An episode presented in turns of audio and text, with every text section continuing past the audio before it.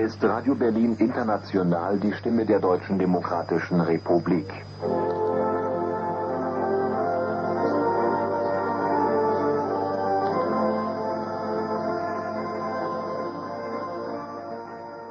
Þú ert að hlusta á útsendara ástarinnar. Helga Novak, Ísland, Östutískaland og Stasi. Þetta er þriðið þáttur undan Stasi inn á mokka.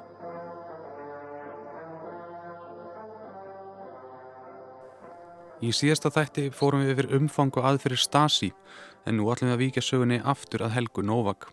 Þegar við skildum við Helgu var hún nýbúin að skrifa undir skjál sem skuldbattana til að fylgjast með og komast í náinn kynni við Karlmenn, íslenska námsmenn nánar tiltekið. En hver var Helga?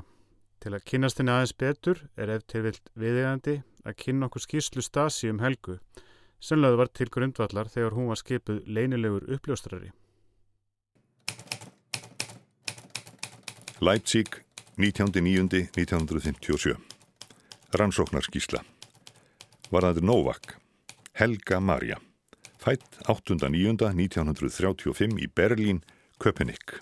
Þísk, DDR Einhleip Viðkomandi var á upptöku heimili frá fæðingu til ársins 1937 þegar hún var ættileitt af stjúpforeldrum Karl og Karlotte Novak Hún lauk grunnskólagöngu með góðum árangri. Árið 1951 var enn félagi í ungliðarhefingu saminningarflokksins, frjálsir æsku og einnig í vinafélagi Þískalands og Sovjetríkjana. Sama ár hóun nám við Max Ræmann mentaskólan í Kottbús. Hún lauk náminu með næsthæstu engun. Hún tók að sér leiðbeinenda hlutverk fyrir svæðis stjórn Brandenburgar og Potsdam. Eftir að hún fluttist á heimavistarskóla var hún jafnframt flokkstjóri í frjálsri æsku og tók ennfremur þátt í sumarskóla samtakana þar sem hún lauk námi með næsthæstu engun. Frá árinu 1953 hefur hún verið félagi í sameiningarflokki sósialista. Skýrslan fer nákvæmlega yfir námsferil Helgu í háskólinum, sérstaklega rættu um hvernig hún slugsar stundum í náminu og hún mæti illa á fyrirlestra á sunnudagskvöldum eða mánundagsmorgnum. Já, skýrslu höfundar nefn einnig að hegðun hennar endur spekli mikla einstaklingshyggju sem var ekki beint digð í austu Þýskalandi. Þegar hún hó nám við bladamennsku deilt, tók hún að sér hlutverk aðal rítara síns námshóps. Henni fóst það verk illa úr hendi og kom ekki næjanlega jákvæðum áhrifum til leiðar. Var hún því svift ennbættinu. Í háskólanámi sínu hefur hún einnig fengist halsvert við listsköpun. Þrátt fyrir allt er hún með 1,8 í meðalengun en fyrir utan bladamennsku stundar hún einnig nám í listasögu. Hún hefur verið metinn sem þroskuð í pólitískum skilningi. Hún er róleg og hlétræg að eðlisfari, hún er sjálfstæð og átti oft í deilum við foreldra sína um pólitísk málefni. Foreldrar hennar eru ekki framfara sinnað fólk. Enn er óvenilega greind og hefur mikla hæfileika þegar kemur að því að meðtaka og skilja upplýsingar. Í siðferðislegu tilliti er enn léttúðug. Hún var í sambandi við X og strax í kjölfarið hóf hún náið samband við Íslanding. Ekki er vitað um neina hilsufarslega erfiðleika, hún er mikil reykingakona. Eins og fram hefur komið var æskaðinar erfið. Hún var beitt miklu líkamlegu ábeldi, fadir hennar starfaði fyrir banka en er nú á eftirlönum. Framfara sinnuð, pólitísku vitund enn, er ekki í samhljómi við pólitískar skoðanir foreldra hennar. Fadir hennar var alfarið á móti því að hún færi til Rostokk til náms og var jafnframt mótfallin því að hún legði stund á háskólanám. Hún hefur algjörlega skorið á öll tengslið foreldra sína og hafaðu engin áhrif á hana í dag. Erfið æskaðinar er talin ástæða fyrir því að hún lendir oft upp á kant við samnefendur sem hann á til að dæma mjög hart, jafnvel þóttir síðan þau sömu viðhorf. Hún hefur sjálf sagt að hún eigi einhverja vini meðal stúdenta og einnig aðra sem hún á afar erfitt með að þóla. Undirritað, vakk, liðþjálfi. Þetta gerist allt um haustiði 1957 og þarna er Helga tiltölulega nýbúinn að kynnast Eisteini. Og eins og við munum þá var það á skólaskemtun um vorið sama ár en nú er kannski rétt að bakka aðeins til sumarsins til júni 1957 eins og einhverju muna var minnst á ákveðin Wolfgang sem var með Helgu þegar hann sá Eistinn fyrst. Wolfgang var sem sé þáverendi kæristinn hennar. Einn mitt, þannig er komin upp ástar þrýhetningur. Akkurat og um sumarið gerist það að Helga er með Eisteini að skemta sér á samt tryggva Sigurbjarnasinni og síklindi konu hans en þau voru þá nýgift og í heimsók frá Dresden. Þau eru að drekka bjór og fagna brúðkaupinu og mæta svo á heimavistunans Eisteins um tvö eftir miðnætti og þar fyrir utan hefur Wolfgang komið sér fyrir með fullt af bjór og hafði beðið allt kvöldið eftir einhvers konar uppgjöri við Eistein eða allavega til að grátbyðja Helgu um að koma aftur til sín. Allavega verða þarna mikil læti og rifrildi svo mikil að húsvörðurinn á vistinni vaknar. Það gengur náttúrulega alls ekki þarna. Alls ekki. Og vistin var endar svo gott sem mannlaus, flestir nefendur farnir í sumarfrí, en þannig mætir húsverðurinn og skammar þau og þá náttúrulega engin háfaði að heyrast eftir klukkan 22 á kvöldin. Wolfgang hleypur burt og hann sleppur alveg með skrekkin. Eistirn þarf að lókum að greiða einhverja sekt, einhverja tólf uh, austurmörk, en Helga er rekin af sinni eigin heimavist fyrir þetta brot Þarna eru yfirvöld mögulega með einhverja átillu til að fá hana til samstarfs. Hún gerist leinilegur uppljóstrari og þá er þetta mál glemt og grafið eða hvað? Já, einhverju liti má segja það. En hérna verður undir að taka fram, hafandi búið talsvert í Þýskalandi sjálfur, að þetta atvik þannig með húsverðin, það er ekki eitthvað austur þýst svona samkvæmt minni reynslu. Ég held að allir sem hafa búið í Þýskalandi, allir Íslendingar allavega, hafa lendið því að vera skammaðir af þýskum embatismanni. Hvað gerist svo þegar Helga skrifar undir? Fyrir hún strax að njóstna um Íslandingana? Ja, það er nefnilega það. Það sem Helga segir er að hún hafi strax farið og sagt eisteini frá því hvað hafi gerst. Íslandinganir sjálfur sögður endar annað í viðtali við Jón Ólafsson árið 1991. Þetta er Tryggvi Sigur Bjarnason.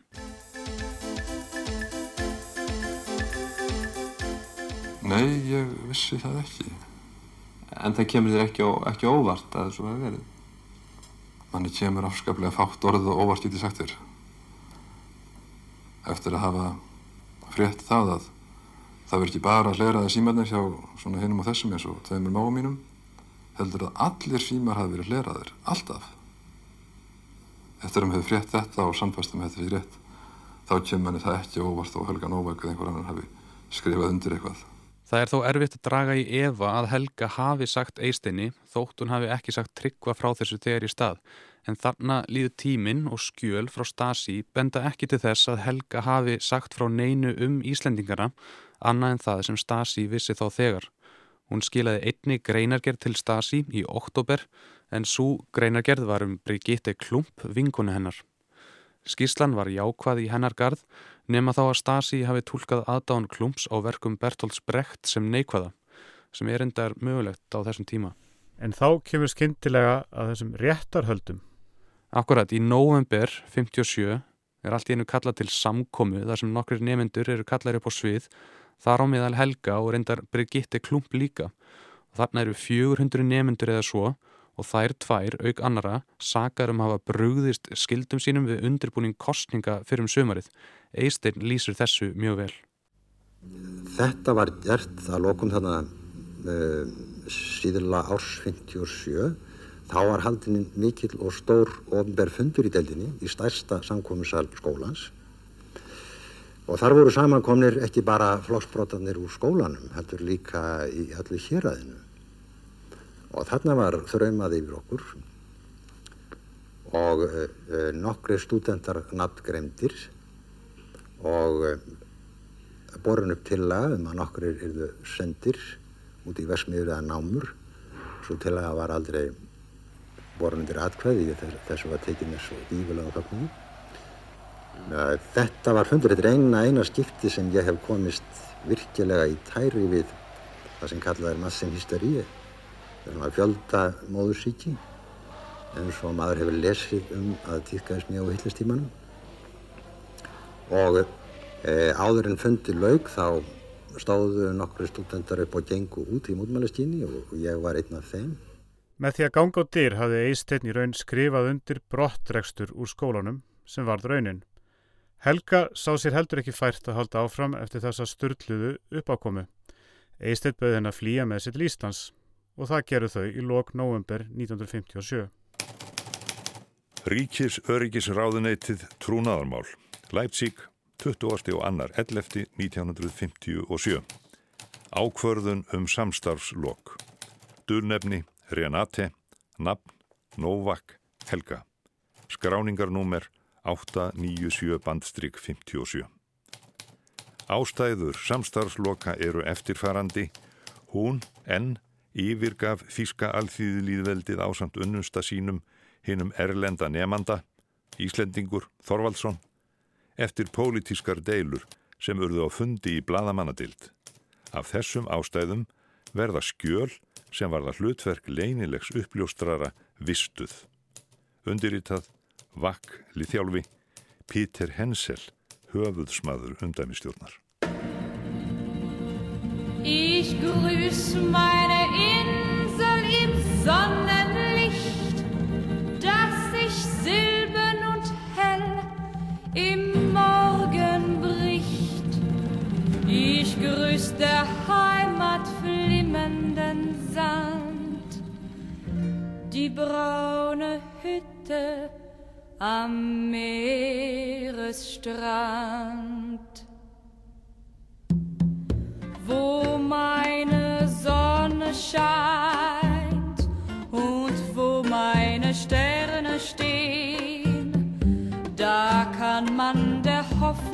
Glanz und der Freiheit Licht in der Ferne sehen. Ég geng fram og tilbaka í brakandi snjónum.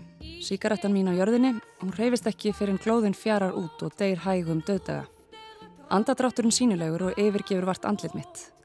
Vítt og breytt er ekki eitt einasta tré að sjá, ekki stingandi strá. Ég var lent á landi þar sem var engin skóur, en þarna heitti ég fyrir norðurljósin í fyrsta sinn. Scheint und wo meine Sterne stehen, da kann man der Hoffnung Glanz und der Freiheit Licht in der Ferne sehen. Þau Helga og Eistedd komu sér fyrir í lítilli íbúð í miðbæ Reykjavíkur sent á árinu 1957.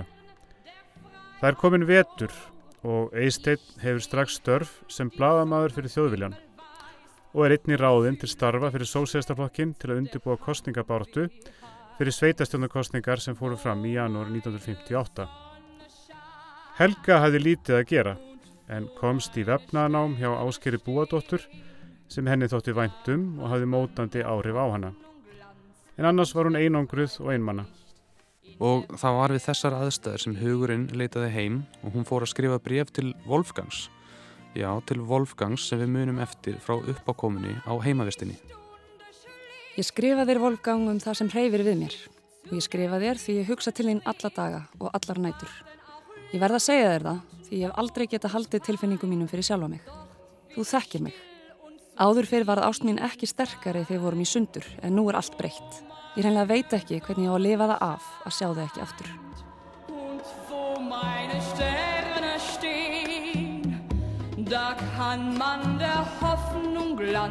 Und der Freiheit Licht in der Ferne sehen.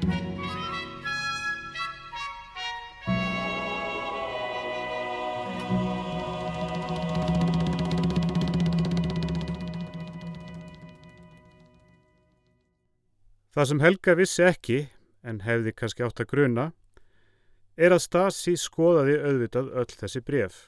Bref fór að berast frá Íslandingunum í Austur Þýskalandi þar sem sögðu eisteini frá því að mín eigin dánartilkynning hefði verið byrti í blöðunum í Leipzig. Ekki bara það, það leit út fyrir að brefin sem ég hefði skrifað til Wolfgang hafi verið lesin upphátt fyrir þá. Og þeir sagt eisteini. Ég var virkilega langt niðri og lág í rúminu heilu dagana. Eistein let mig alveg afskipta og virti mig ekki viðlits og það var engungu vegna afbreyðsemi.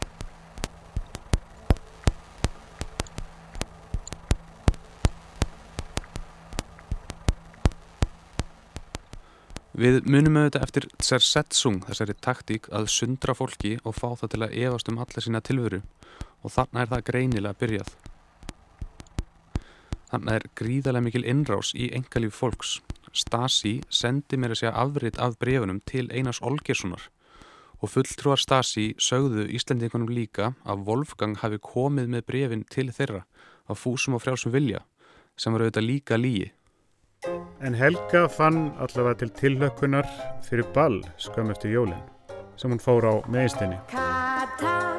Kátt með ljósa lokka, lífsglöð, hefur yndist þokka. Kata, kann svo vel að rokka, rokk. Alltaf meðan dansinn dunar, djastlind, katan hólfu brunar, elskar, meir en margan grunar, rokk.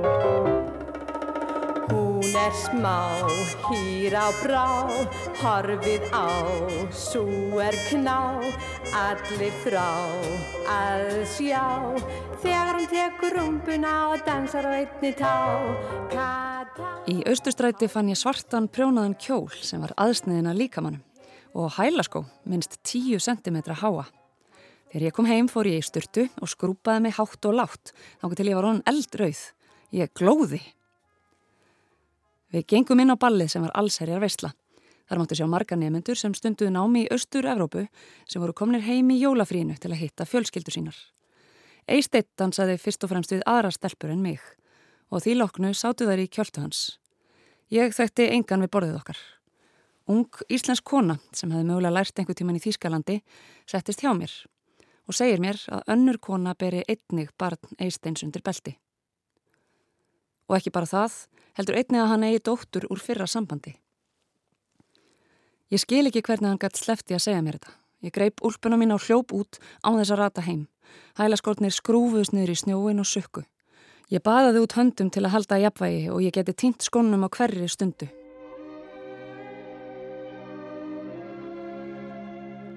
Það er stingandi frost þegar ég loksinn sé húsið okkar og hurðina. Loks þekki ég engangin. Fyrir utan eru fjórar steiftar tröppur. Ég geng upp en engin leikill. Gatan er illa upplýst og eina byrtan fæst úr snjónum sem endurspeglar tungsljósið. Ég sest á tröppurnar og býð og ég frísina beini og ég býð.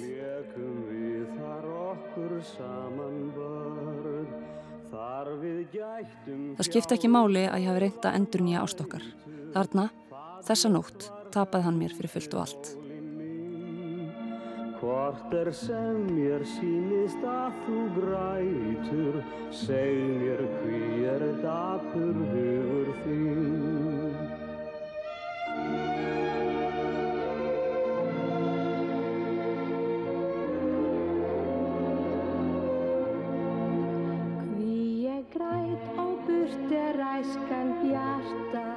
Helga gerði þá eitthvað sem þótti og þykir enn ótrúlegt. Hún snýri aftur til austur Þískalands. Hún eignast þar són sinn, Ragnar Alexander, skýrður í höfuðið á Alexanderplatz í austur Berlín, þar sem fæðingin fór einmitt af stað á lestapalli. Hún sætti sig við að vinna í ráftækjaversmiðu færiband þar sem hún verður sérfræðingur við að setja saman sjónvarskerma. Um sumari 1958 kemur Eistirn í heimsókn og kynir hana fyrir Þór Vikfúsinni. Segir að hann ætla að líta eftir henni. Og hvað, Björn?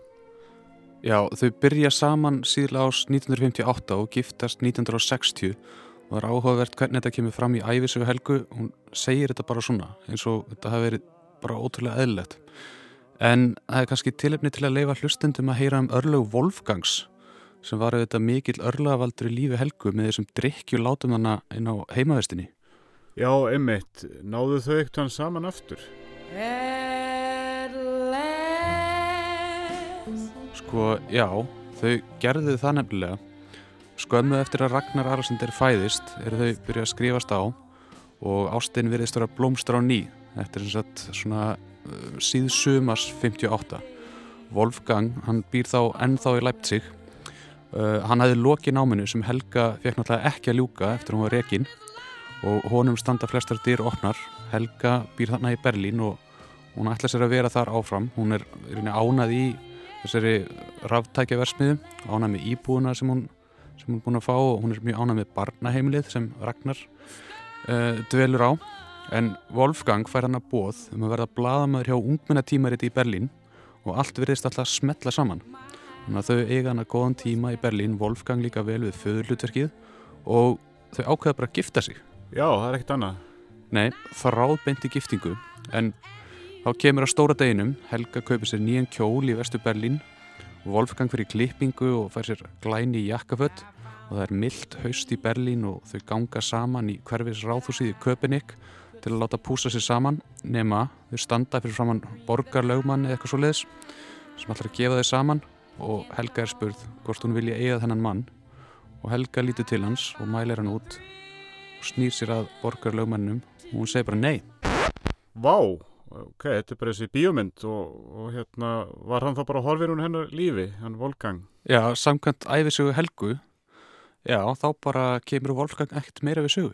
En Stasi hins vegar það er ekki alveg horfið úr lífi Helgu. Nei, Stasi vildi fá hana aftur til samstarfs til að njósna um samstarfsfélagari sína í þessari verksmiðu Hún segir já en um það er ekki mikið að segja allavega ekki samkvæmt skjölum Stasi hún hafði verið beðin um að, sko, að, að, að, að safna sko, upplýsingum og láta ljósa upplýsingar um okkur íslendingarna. Sko. Ég, ég frétti það ekki verið setna að hún hafði verið beðin. Ég, ég hef hún hafi ekki gert það. Sko. En, en það vildi svo til ég giftist þessari konu síðar sko, og, og ég vissi að hún hafði reynda sko, farið til Íslands. Hún hafði farið til Íslands og með öðru manni, þetta er svo gengur, núttíma þjóðfélagi. En, en, og, og það reyndar farið í óleifi sko yfirvalda, hérna í Vesturberlín. Kom líka ekki hér og kom aftur. Og, og, og hérna þá í rauninu upp á náðumiskun skoðu stasi komin þess að þú stútir er ekkert meira heilin minn og maður fara hér og vinni í vesmi og eða verður það og góð þá kannski ferðast út ekkert um setna Berlín 29.12.1960 Loka skísla Varðar Renate Leinilegur uppljóstrari Númer 29.37.59 Renate var fyrst ráðinn 19.9.1957 af umdæmistjórn í Leipzig, deilt 5, með það að markmiði að fylgjast með nefendum. Í november 1957 varð uppljóstrarinn flóttamaður. Eftir að hún snýri tilbaka árið 1958 hafði félagi Líðþjálfi Pál samband með það fyrir augum að endur nýja samstarf en í þetta sinn í Köpenick. Allt samstarf sem fyldi í kjölfarið skilaði ekki einu einasta nóthæfu gagni í baróttu okkar. Uppljóstraran skorti allan vilja og getu til að stunda leinilega vinnu með stopnun okkar. Uppljóstrarinn mætti óreglulega til skipulaðra funda, uppljóstrarinn virkaði áhugalus. Þar sem uppljóstrarinn hefur greinilega á engan hátt neinu hlutverki að gegna er lagt til að gögnin sem málið varða verði flokkuð og vistuð í deild 12. Staðfest að fyllir. Nú er kannski rétt að fara yfir þennan feril helgu sem leinilegs uppljóstarar fyrir Stasi. Það sem við vildum fyrst og fremst skoða var hvort helga hafi verið fenginn til að nýta sér útlitt sitt og gáfur til að heitla aðra menn með það fyrir augum að njósna um þá. Það er ekki alveg nægilega nákvæmt. Ég held í rauninni fyrst þegar ég heyrði þessa sögu að Helga hefði verið það sem er kallað Júlia í njósnaheiminum en Karlkins útgáðan af því er það sem heitir Rómjó þegar útsendrar eru nýttir vegna útlits og hæfileika til að heitla hitt kynið án tæljandi erfileika. Helmut Müller-Enbergs, hann útskýrið þetta fyrir okkur þegar við heimsóttum hann í Berlin. Ich habe verstanden, dass es um die Frage geht, hat Helga Nowak die Beziehung zu dem Isländer im Auftrag der Staatssicherheit gesucht?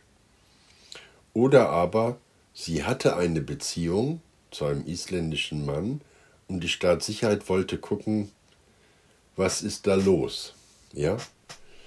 Ég skil spurninguna þannig hvort Helga Novak hafi sóst eftir sambandi við Íslandingana sem verkefni hjá Stasi eða var hún þá þegar í sambandi með íslenskum manni og ríkis öryggisráðunetið vildi aðtjóa hvað væri þar í gangi. Ég hef ekki grann skoða skjölinn en með við fyrstu sín þá eru skjölinn fyrst frá 1957 en þá er hún þegar í sambandi og þá á haugtækið um Júliu eiginlega ekki við hér. Dafür habe ich die Akte jetzt nicht gut genug gesehen, aber dem ersten Eindruck nach äh, ist die Akte erst 1957 angelegt worden. da hatte sie schon eine Beziehung äh, zu dem Mann.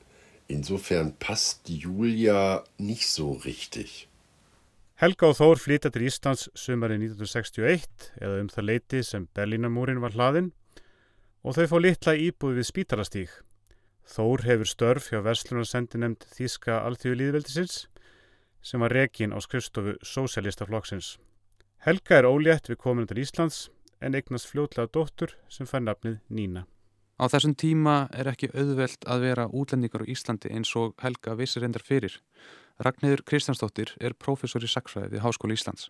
Það er alltaf hægt á því að, að kona sem að hefur ekki formlegan stað í samfélaginu getur bara einangrast og sérstaklega hún hefur ekki e, tungumálið.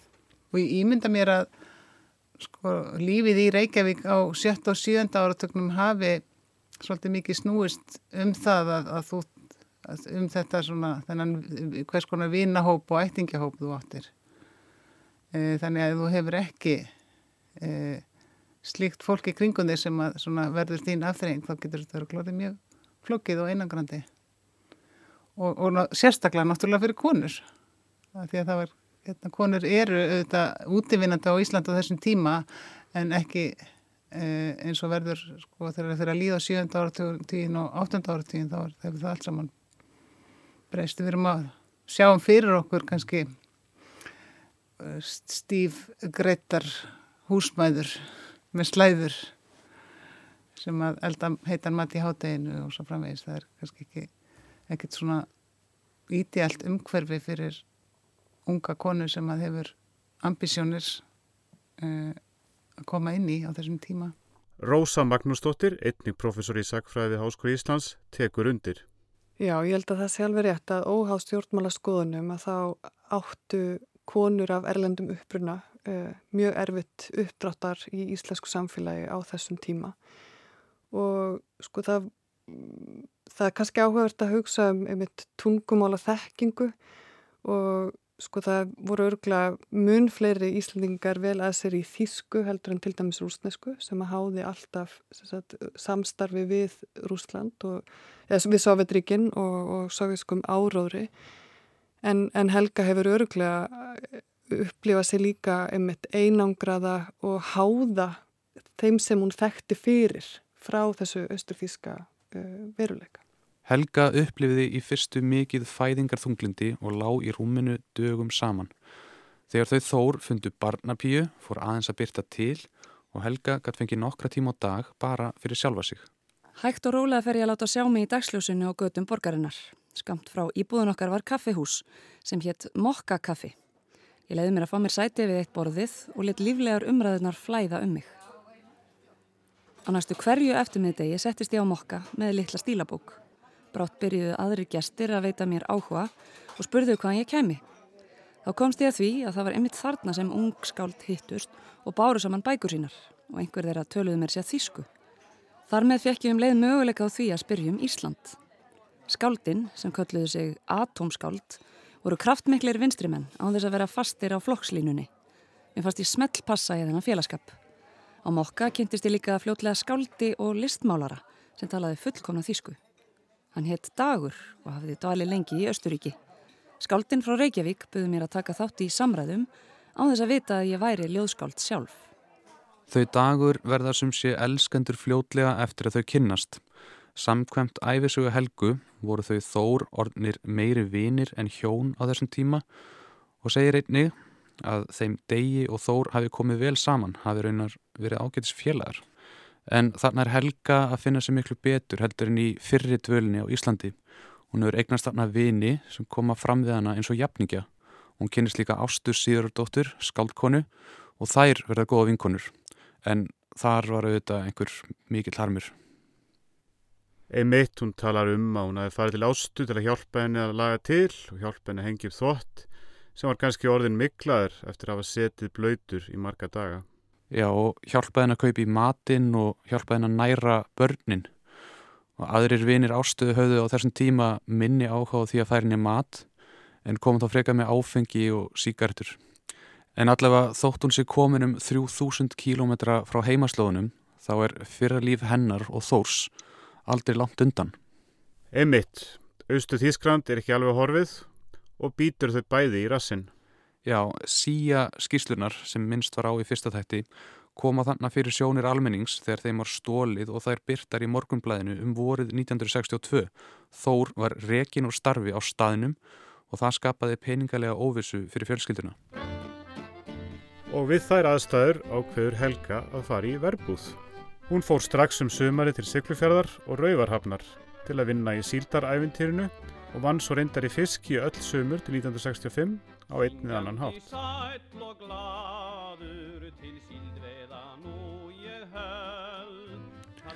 Einmitt og það er þarna sem hún finnur að miklu leiti sína rödd og sinn stíl sem ljóðskald. Þótt hún hafi verið alnu upp til að yrkja í einhvers konar ríkistyrtum félagslegum realisma í austur Þýskalandi þá er hún fyrst og fremst mótenisti sem yrkir mikið um aðstæðu kvenna og kvenna samstöðu. Hlustum hérna á brot úr ljóðabálnum Fristihúsið. Vinnu veitandi, vinnu þykjandi. Eigandi fristihúsins, hann þykkur vinnu mína. Hann þykkur hana af mér. Ég sem ekkert á veiti honum vinnu mína. Hann er vinnu þykjandin, vinnu veitandin er ég. Vinnu þykjandi og vinnu veitandi. Þegar við mætumst við grændúkað borðið hans hafa hlutverk okkar vikslast. Við mælum hvort annað út. Við verðum kannski að segja frá Ítalíu ferðinni, undalegri píslargöngu sem Dagur og Helga byggu til. Jú, það hefur einmitt verið mjög æfintirilegt. Dagur laði til að þau myndu ferðast fótgangandi allt frá Hamburg og niður til Ítalju og þaðan til Sigilegar. Þetta er árið 1964 en ferðin gekk ekkert sérstaklega vel.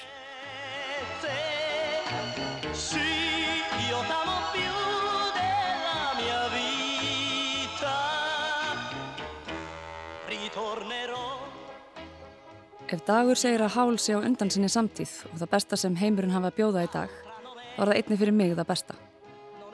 Ef dagur segir að ég geti sami ljóð, þá geti það líka.